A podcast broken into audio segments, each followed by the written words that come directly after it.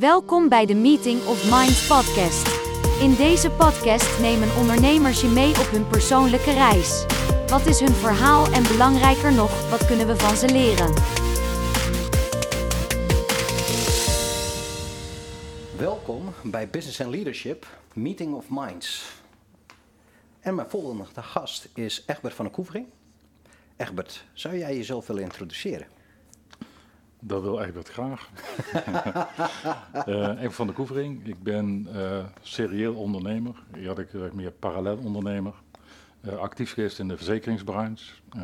nu actief onder andere in de serviceindustrie met een callcenter worldwide, remote working. Ik zit in de softwarebranche. ik regel daar software gebaseerd op natural language processing. Uh, en ik ben actief uh, met wat uh, partijen in het Midden-Oosten, daar doe ik wat zaken. En ik ben ook nog 2021 start-up ondernemer van de regio Twente, op het gebied van kunst en tokens. Kijk, dat, dat klinkt als heel veel in een oog van de maatschappij. Zou je kunnen zeggen, jij bent succesvol. Vind je dat zelf ook? Nou, ehm, ja en nee. Uh, uh, het is zo dat um, mocht het zover komen dat ik morgen kom te overlijden, dan zal ik voor mezelf zeggen dat ik een gelukkig leven heb gehad. En dat ik heel veel geluk heb gehad in de dingen die ik uh, gedaan heb, de mensen die ik ontmoet heb. in die zin ben ik succesvol. Als je kijkt van, naar je balans en je verlies- en winstrekening en dat, ja, dat kan altijd meer zijn. Maar dat zijn denk ik niet de bepalende dingen die maken dat je succesvol bent. Uh, een kennis van mij die in de, in de verzorgende hoek zit, zei: In het hospice op je einde vraagt niemand hoeveel geld je hebt en wat je allemaal aan werk gedaan hebt. En denk dat zijn voor mij belangrijke indicatoren. De samenvatting, ja, qua levensgeluk denk ik dat ik succesvol ben. Ja. Dus in feite wat je zegt is hoe je in je leven zit en hoe, je, hoe je je leven leeft, is vele malen belangrijk dan wat er aan de eindstrepen overblijft. Precies. Het gaat niet alleen maar om eh, geld, uh, aanzien, er zijn andere dingen die belangrijk eh, zijn. En dat heeft te maken, als je veel dingen doet, kom je veel dingen tegen. Je kan allemaal een keer tegenzitten. En ik denk dat ik gewoon over zijn algemeenheid veel geluk uh, gehad heb. De periode in de tijd waarin ik uh, geboren ben, is in de jaren 60, 70 opgegroeid, waren prachtige tijden. Kijk, als je andere tijden opgroeit, dus ik denk dat de jeugd het tegenwoordig moeilijker heeft dan wat ik heb gehad.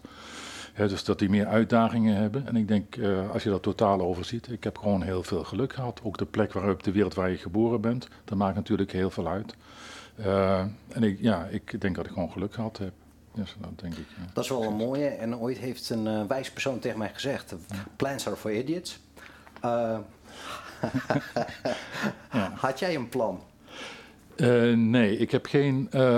dat zal de strategiedenkers pijn doen, denk ik. Ik heb geen vooropgezet plan van, nou, dit is het doel waar ik naartoe wil. Ik denk, kijk meer naar de, de Chinese variant. Die hebben ook geen strategie, maar die hebben een visie van wat, hoe denk je dat je toekomst er voor jezelf je uitziet.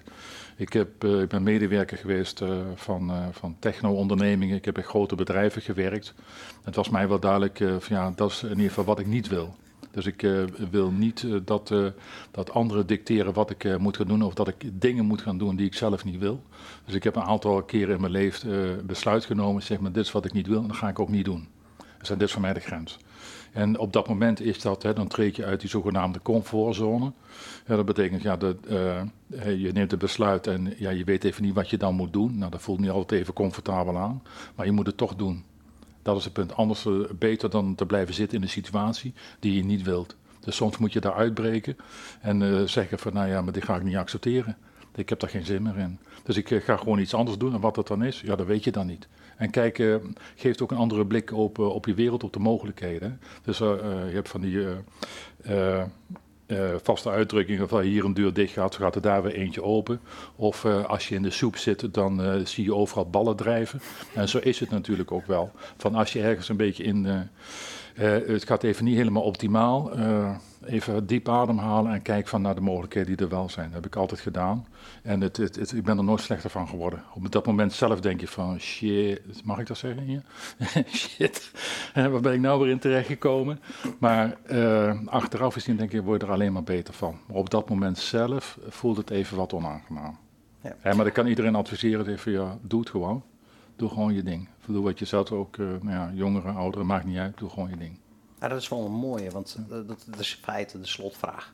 Ehm, wat zou jij willen meegeven aan de mensen die hun droom in ondernemerschap willen nastreven? Uh, nou, vooral doen. Vooral doen. Je krijgt uh, aan het eind vooral spijt van de dingen die je niet gedaan hebt. En ik zou iedereen willen uitdagen, of je nou 100 bent of, uh, of 20, dat maakt niet uit. Uh, de kosten van ondernemers zijn de loop van tijd behoorlijk gedaald. Uh, 50 jaar geleden moest je 18.000 euro of gulden meenemen om een bedrijf te kunnen starten. Je moest een gebouw hebben, je moest mensen aannemen. Het was, kostte hartstikke veel geld en het was voor heel weinig mensen weggelegd. Tegenwoordig kun je een website maken, je kunt mensen inhuren, je, in de cloud kun je allerlei software krijgen. De kosten van het gronden van een onderneming zijn vele malen lager dan, dan vroeger. Uh, je ziet natuurlijk ook dat heel veel mensen die werken hybride. Daar bedoel ik niet mee dat ze uh, twee dagen op het werk zijn en drie dagen thuis. Ik bedoel, sommige mensen hebben gewoon twee banen. Dus één, uh, een baan om die hypotheek te betalen. En de ander hebben ze een, een baan of een website of iets wat ze met een vrouw of vrienden of weet ik van wat doen, waar ze echt uh, uh, passie voor hebben. Dus het kan zijn een website om kleding te verkopen of wat dan ook, of een, een game element te maken. Ik zou zeggen tegen iedereen, joh, neem gewoon die stap en begin gewoon. De kosten zijn laag en de profijt ervan, ook zelfs als het mislukt, dan groei je ervan als mens. Maar ook financieel kun je er niet slechter van worden. Dus mijn verhaal is, joh, vooral doen. En hoe gek het ook is, doen. Dus uh, dat, is, uh, dat is een hele mooie boodschap voor uh, alle mensen die een droom willen verwezenlijken. Niet te veel in theorie blijven. Nee. Doen, falen, herhalen, verbeteren. Gewoon proberen. Dat is zoals het werkt. Een soort van Darwinistische wijze of kijken op het, op het leven en op het ondernemen. Gewoon proberen. En daar leer je altijd van. Dat is ook de beste manier om te leren. Gewoon een keer je kop stoten. Dat is een uh, geweldige boodschap. Ja. Egbert, dankjewel. Ik wens je alle succes in alle ondernemingen en waar je mee bezig bent. Nou, dankjewel, Amir. Dankjewel. Bedankt voor het luisteren en tot de volgende keer bij Meeting of Minds podcast. Ervaring is de beste leermeester.